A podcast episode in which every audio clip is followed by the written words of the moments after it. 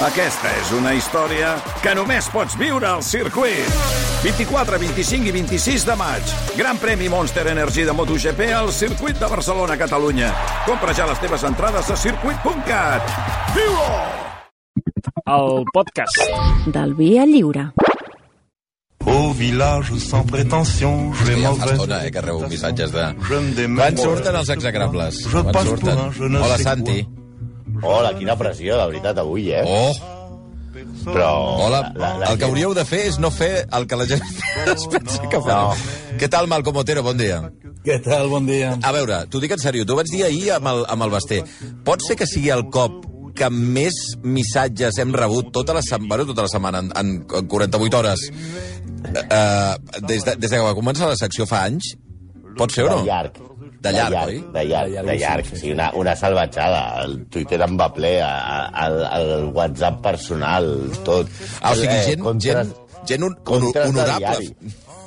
Gent honorable, que, que, en fi, com el Miguel Rico, demanant-ho a la contra del Mundo Deportivo, que és un, és un nivell de pressió mediàtica i, i digital, eh, en fi. Quan el Miguel va dir allò, que jo, llegi, jo llegeixo el Miguel Rico amb la seva veu, que és quan diu periodísticamente esto se tendría que hacer el sábado. Vas notar Ja, que et pressionaven, sí, sí. O sigui, a, a, si ho diu el jefe, s'ha de fer, s'ha de fer. No per la resta de gent, perquè ho diu, perquè ho diu el jefe. O sigui, cu- o sigui aquí, aquí anem... Però, ojo, això no va pel jefe. Però tota la gent són uns cabrons. Perquè molt allò de dir... Perquè, comença, perquè el que volen és que ens volen utilitzar nosaltres Ara, d'ariet ara. per, per eh, amagar la seva eh, baixesa, la seva miserabilitat. I aquí nosaltres, bueno, nosaltres hem vingut a fer... Això és com Harry el sucio. Esto es, hay que, es un trabajo sucio y alguien tiene que hacerlo. Pues ja el fem nosaltres, ja no patiu. Bueno, també t'he de dir una cosa, que és que eh, des que, des que va passar el fet luctuós, eh, home, jo, jo crec... Quina, quina, quina mariconada és fet luctuós? fet luctuós. jo, jo he sentit ja moltes- Que, que, que la gent no sap que, que, que, que la gent es pensa que estàs parlant de guarrades. No, que dic que ja, nena, ja que he, te voy a hacer un hecho he llegit, he, he llegit molts, molts eh, bueno, he llegit uns quants articles i, escolta'm, tampoc no s'ha amagat la, la cosa, no? Vull dir que... Bueno, la cosa. en, en Sí, tot però cas, tu- Parlarem amb, amb, amb, amb eufemismes tota l'estona. Fet luctuós, teníeu la pensat, cosa. el que teníeu és pensat un altre execrable, és així, no? Teníem pensat un altre execrable i l'hem canviat, però quan tu dius la cosa vols dir que el tio es fotia unes ratlles com No, unes de no, gitano. Pau, no comencem, hosti, tu, la veritat, eh?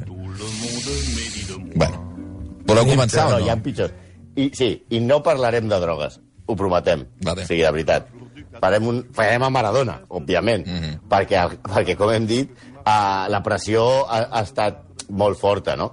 Eh, però, a veure, eh, què podem fer de Maradona? Perquè realment és que de Maradona ha escrit fins i tot el teleprograma, Lola, sortia el Sálvame, també, vull dir, això està uh, saturat. Aleshores, Eludirem tot el tema de les addiccions. No parlarem del Maradona drogadicte ni el Maradona alcohòlic, aquest mm, borratxo que trontollava per les llotges, la versió aquesta més patètica del personatge públic. Eh? Parlarem d'execrabilitats de Maradona per treure-li la pilota al tipus que va aconseguir que el seu funeral, la seva pandèmia, en plena pandèmia, deixés la manifestació dels Cayetanos com una reunió de quatre amics i una festa de pijames, eh? Vull dir, això sí, eh? S'havia de portar el barbijo. El barbijo és la mascareta. Sí, senyor. argentins, eh? Sí, senyor. El barbijo, que m'encanta la paraula. Molt. És, evidentment, parlarem d'un geni del futbol, un ídol nacional. Direm, intentarem no dir tots els llocs comuns que s'han dit, que si era una icona pop, que si al segle XX, que, que, si, eh, que,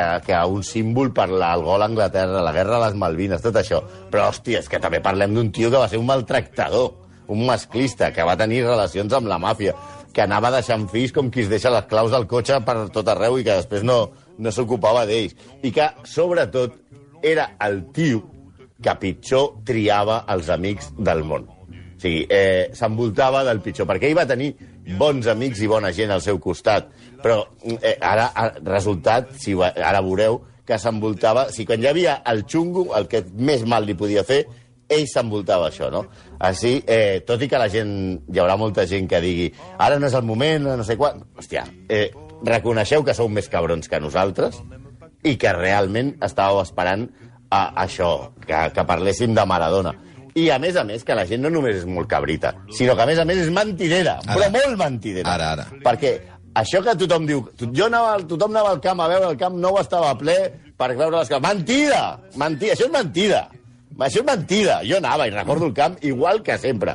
Els pobres arribaven abans per agafar lloc i els de tribuna estaven arribant 5 minuts abans de que comencés. Igual. I també diuen, no, és que Maradona en el Barça... Escolti, quan Maradona va marxar al Barça és mentida! Perquè Maradona, quan va marxar del Barça, no va ser un drama. Com diu avui el Jordi Évole Sí, en un article. A l'article de l'Évole, sí, Ningú senyor. el va plorar quan va marxar. Ningú. Ara, amb la nostàlgia i fent-nos estupendos, resulta que sí, que, hòstia, tothom, ah, Maradona, jo també el veia i tal. L'única cosa bona que ja me l'acaba de dir el Dani, que a més és de Nàpols i és un dels que si estiguéssim aquí ara entraríem a un bat de béisbol i es trencaria les cames, és que Maradona ha aconseguit una mena de llicència com de TripAdvisor, ¿vale? que és a, és a dir, m'ha dit el Dani, si tu a una pizzeria napolitana de Barcelona entres i hi ha una foto de Maradona, eh, la pizza és bona. És napolitana de veritat. I això suposo que ho ha, ho ha desenvolupat Mira, ell durant, durant molts anys. Quin bon tip. Sí, és aquesta. Vull dir, diu, perquè diu, pizzeries napolitanes a Barcelona n'hi ha a patades, però només entreu a les que hi hagi la foto de Maradona. Per tant, eh, seguiu aquest consell del nostre amic Dani.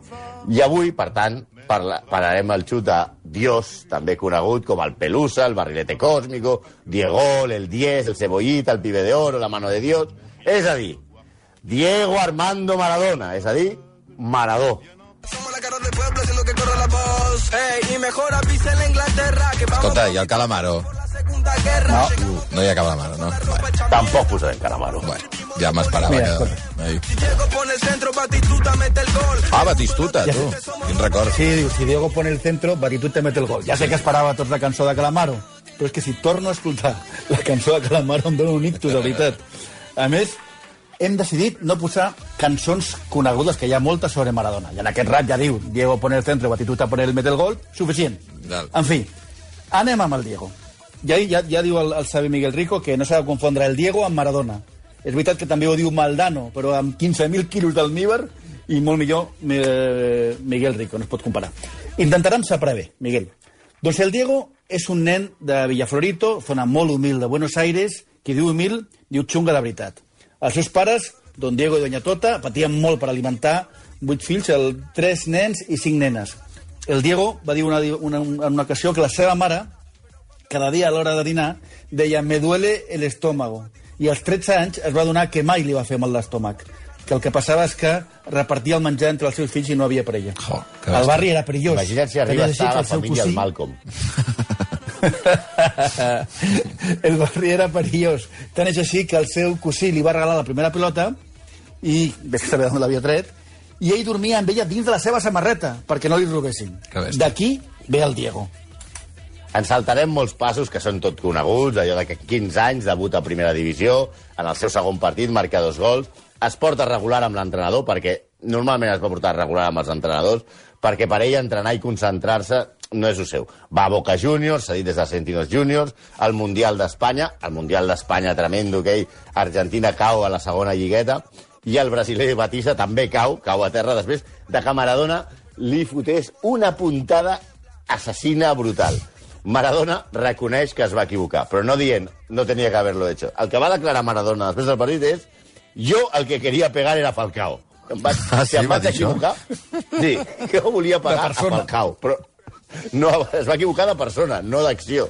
I clar, el van expulsar i és la marxa de, de, de Maradona. S'ha de dir que en aquell Mundial a Maradona li van donar cera per tot arreu. I Òscar Nebreda va fer un gran acudit, a, a, em sembla que el periòdico en feia, que deia Maradona vino a España a buscar césped para su casa de, pa su casa de, de Barcelona. I sortia Maradona amb les dents enganxades en la gespa i diu este, el de la cancha perica, que és el más suavecito. pues esto, sí, Maradona el rebentaven a patades, sobretot Gentile. I ell, quan es va tornar, es va equivocar de, de personatge. El Barça els fitxa i el traspàs costa 1.200 milions de pessetes, eh? Uns 7,2 milions d'euros de l'any 82, Caríssim, que ara eh? Carles Tremendo, Tus... Que, però Carles Tusquets ara diu que va ser menys perquè van fer una pirula. Bé, coses de Núñez i del Barça. Ara, ara no el podrien pagar, eh? No, ara no. Ara no podrien pagar, no. Ara no, ara no, no el podrien pagar. Ara Maradona estaria enviant burofax. Va tenir l'hepatitis, els tres mesos fora, en Goicoechea li parteix el turmell, i, va, i, i tot acaba en aquell partit eh, que recordareu la majoria, i si no mireu les imatges, amb la batussa generalitzada contra l'Atlètic de Bilbao. És una, era, era un més o menys un, un partit de futbol que acaba com les 24 hores de futbol de Vilassar. Ah, quan ja tothom va borratxo, a hòstia pura, i allò a Isla Fantasia rebentant-se botelles als uns i als altres. Però, en lloc de fer-ho a Isla Fantasia o a Vilassar, ho van fer al Bernabéu. El van sancionar tres mesos sense poder jugar en competicions espanyoles.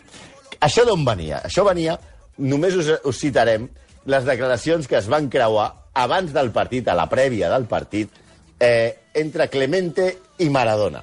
Clemente era l'entrenador de l'Atlètic Club de Bilbao.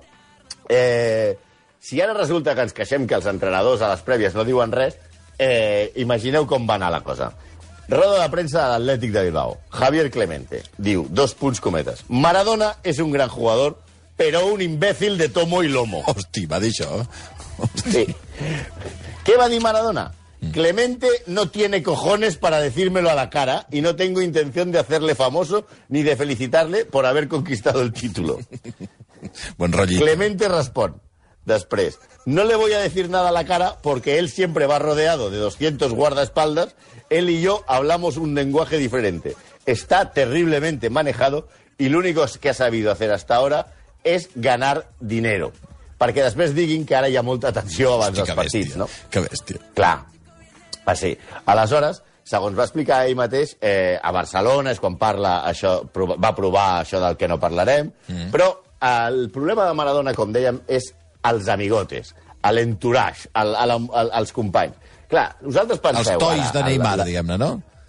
el- Exacte, si jo penso que els estois, els tois o els amics de Dembélé o els que vol- envoltaven a l'Elka eren, eren, eren diguem-ne, perjudicials, hòstia, amb els de Maradona, amb els de Maradona no t'explico. A veure, us explicarem una anècdota que em sembla que encara no ha sortit, i això és exclusiva mundial pel Via Lliure. Ai, ai, ai, ai. Una nit, Maradona eh, fa un sopar a casa seva a Barcelona. Uh -huh. Un sopar amb un altre matrimoni, un matrimoni amic, que van els dos, van, són quatre persones. Res d'això de que explica la gent de que entramos y había travestis, enanos, unicornios, rayas de cocaïna que ocupaven tota la mesa de pimo. No, un sopar normal, normal vale. Amb, amb, amb, un, amb, una, amb una parella. Sí. I quan acaba el sopar, van a prendre una copa i diuen falta hielo. En la casa vivia, eh, vivia el, el seu cunyat.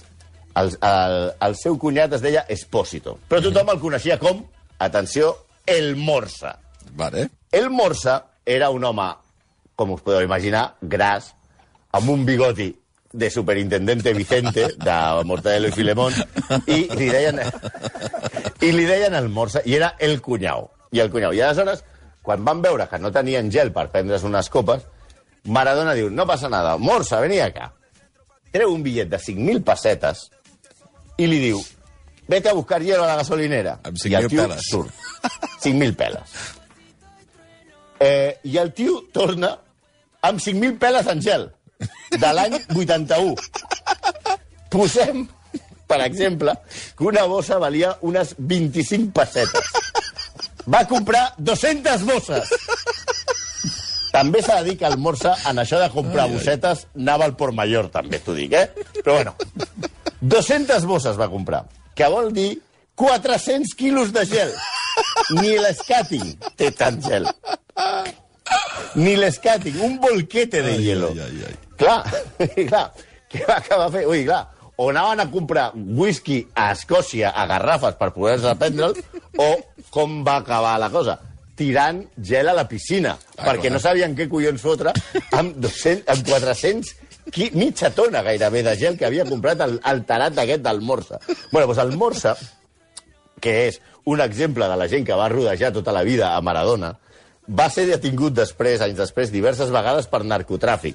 I fa pocs anys el van detenir al costat de la germana de Maradona, la seva dona, això era una mena de Bonnie and Clyde a l'Argentina, per intent de robatori a mà armada. Vale, penseu això. Home... Sí, la, la cançó ho diu tot, la, la, la canta Tino Rossi, que amb aquest nom no era napolità, sinó francès. Vaja, Bueno, Maradona eh, marxa al Nàpols. amb el, Es volque, amb, el volquete, amb el volquete de gel a l'esquena perquè no l'havia gastat encara. Exacte, exacte, que ja hi feia una mica de mal. El, el, el Nàpols, la temporada anterior de que hi arribés, havia estat a un punt del descens. I en Maradona, en la seva segona temporada, queda tercer, i en la tercera ja es fa amb l'Scudetto. Aquí, a, a Nàpols, canvia de mànager i contracta a Guillermo Coppola. Recordeu aquest nom, res a veure en el pare de Sofia, eh? Uh -huh. Però si us sembla que tenir com a cunyat el Morsa és una mala influència, no és res comparat amb les seves amistats napolitanes.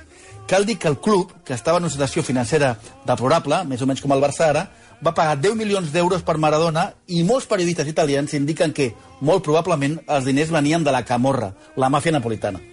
La veritat és que Maradona va conèixer, va conèixer molt aviat a, Ca- a Carmine Giuliano, capo d'una de les famílies més destacades de la Camorra.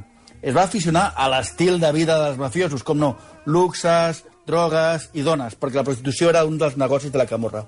Segons Asif Capadia, que va fer un documental de títol molt críptic que es diu Diego Maradona, una vegada confies en la Camorra, passa a ser de la seva propietat. Maradona va dir el 2017 Nunca pedí nada a la Camorra. Me dieron la seguridad de saber que no le ocurriría nada a mis dos hijas.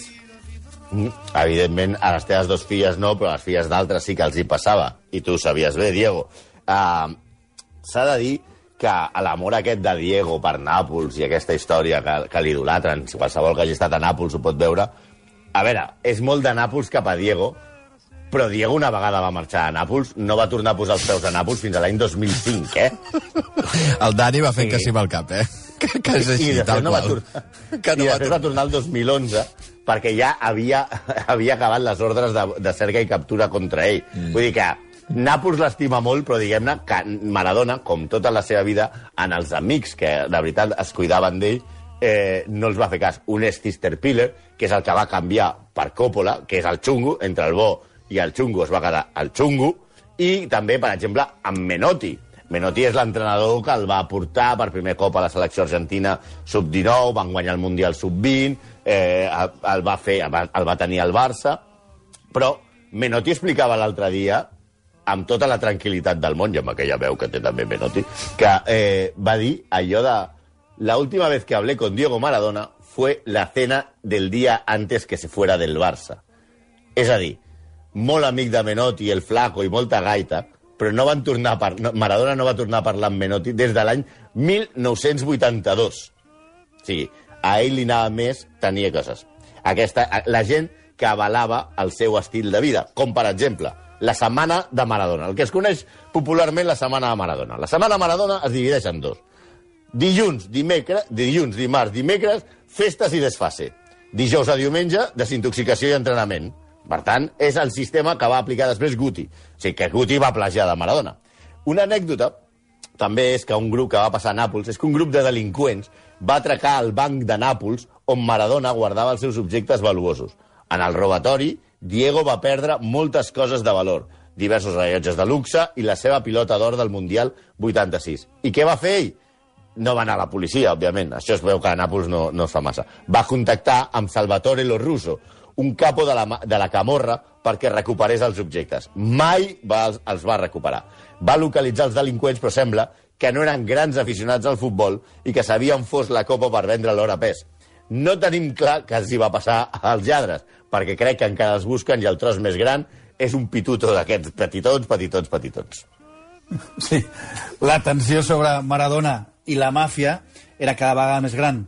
I a part de marcar el gol de, de penal que elimina Itàlia en el Mundial del 90, que no el fa molt popular a Itàlia, es filtren enregistraments de Maradona parlant de drogues i prostitució amb els membres de la màfia. A la màfia no li interessa tanta publicitat i l'abandonen. Maradona, Maradona, de fet, és condemnat a 14 mesos de presó per possessió que, de, de, de drogues que mai compleix.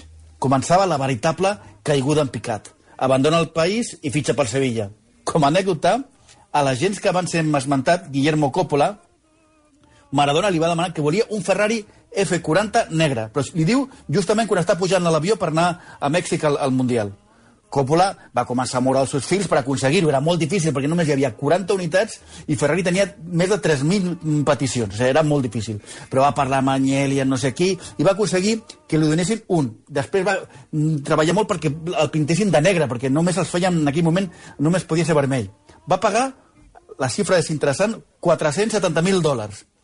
A l'arribada a Mèxic, Maradona, que ja és campió del món i havent ficat dos dels gols més importants de la, de la història, l'esperaven a la pista el president del Nàpols, Corrado Ferla, eh, Ferlaino, el seu representant Coppola i el cotxe, el Ferrari F40 allà. Aleshores, Coppola li diu, president, per què no li regala vostè el Ferrari a Maradona i així queda molt bé? Així es va fer. Però Coppola li va dir que havia costat un milió. És a dir, va guanyar 530.000 dòlars en l'operació, perquè després diguin que ara les comissions són un accés.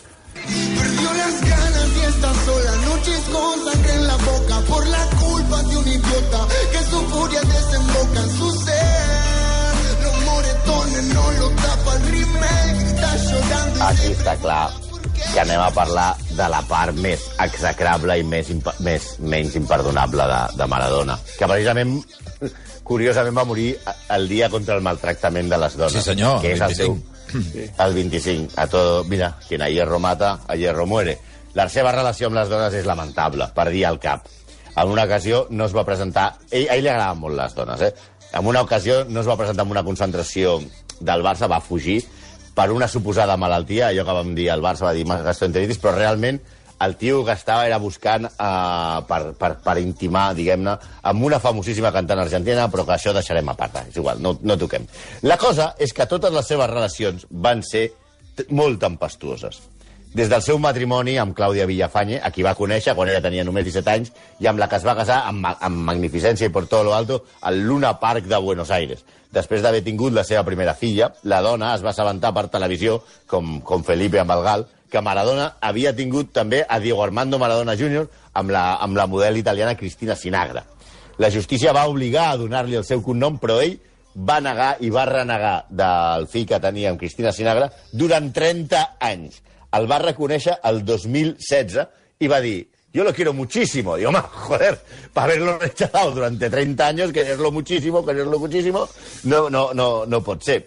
També, eh, després va tenir una altra filla amb la seva dona, de la qual es va separar als 13 anys, i amb la que va acabar als tribunals i, i a la premsa acusant-se mútuament de frau i de violència. Ella també el va de violència psicològica. De fet, encara a l'oficina de violència domèstica argentina està la denúncia de Clàudia Villafañe contra Maradona. Tot i això, són tan raros que Clàudia Villafañe és la portaveu de la família la investigació que s'està fent sobre la mort de Maradona amb tots els germans, imagino que també deu estar el Morsa per allà. Bé, és allò, una família més rara que la del Mainat encara. Tot això eh, eh, ve a dir que ell a la seva dona i mare de les seves filles també la maltractava. Sí, també va tenir una relació amb Verónica Ojeda, que, de, la que, de la qual va néixer Diego Fernando, que no va tenir problema en aquest cop a reconèixer. Però anys abans havia tingut amb la cambrera argentina Valeria Sabalain una filla, la Hanna, que no va voler eh, reconèixer fins la que va, es va fer les proves d'ADN i van demostrar que la, la, seva, la seva paternitat.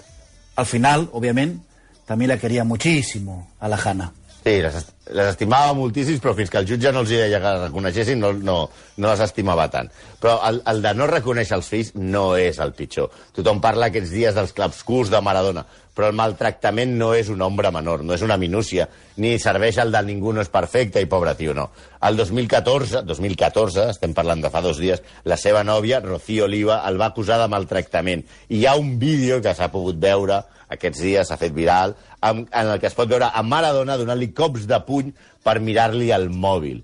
El vídeo és esgarrifós i és d'una persona que ha perdut totalment el control i que va pagant. També a Madrid, un cop, la policia, ella estava en l'hotel Villamagna, em sembla, va haver d'anar a, a, a entrar a l'hotel perquè els van avisar els mateixos eh, el, el, els, els hostes de l'hotel i la direcció de l'hotel perquè anés a a- a l'habitació de Maradona perquè estava fent... Eh, estava, estava una discussió terrible i se sentien cops, plats trencats, i va haver d'entrar la policia a l'habitació de Maradona i van trobar a Maradona pagant també a la seva nòvia. I ell va dir, va fer unes declaracions horribles després quan li van preguntar això. Atenció al que va dir, va dir yo no soy un tipo pegador, pero a Rocío era como para pegarle en la cabeza. Sí, a, a Maradona li van quedar coses pendents amb la justícia, com la, de, la demanda de paternitat, una altra, que li va posar Santiago Lara, i que a més l'acusava de pedofília perquè la mare de Lara, de Santiago Lara, era menor quan el van concebre. També Anonymous, fa poc, va filtrar fotografies a Cuba amb unes noies nues que clarament són menors. Bueno, pues així acabem amb Maradona, geni, geni del futbol, i ja podem dir tot, i podeu explicar totes les històries de tota la gent, que també eh, l'altre dia comentàvem amb el Lu Martín, que s'hauria de fer un homenatge als pitzeros que tenen la, la fotografia, com deia el Dani, i com deia Lu, a l'arquitecte de la casa. Perquè si és veritat, tota la gent que va estar a la casa aquella, aquella casa era més gran que el Camp Nou. O sigui, per tant, tampoc ens caiguem totes les, la, la, la gent que diu que jo havia vist a Maradona con seis travestis i dos enanos, perquè igual no és veritat i ara s'estan aprofitant i s'estan tirant al pis. Però ara mateix, o sigui, jo em quedo... Saps que em quedo amb, amb la frase de... Amb el Morsa. No, no, a part del Morsa. No, amb el que has dit al principi, que el Dani Puntiprats per línia interna t'ha dit una pizzeria napolitana de Barcelona o té la foto de, de Maradona o no, o no cal ni que hi entri. Totalment. Eh? Clar, però ara això, com aquest, aquest programa és tan popular, ara totes les pizzeries napolitanes comprant una foto de Maradona per, per, perquè és com una estrella Michelin, allò. Exacte, exacte. Va, Això és veritat, si com les- les com a estratègia, són, ara. Són, són antigues. Són antigues. Es són nota, antigues, es nota. Ah, es nota, es nota, es nota. Retalls de diari, exacte. Bueno, execrables, que vagi molt bé. Apa, A vosaltres. adéu. adeu, adeu. viendra me voir pendu, sauf les aveugles, bien entendu.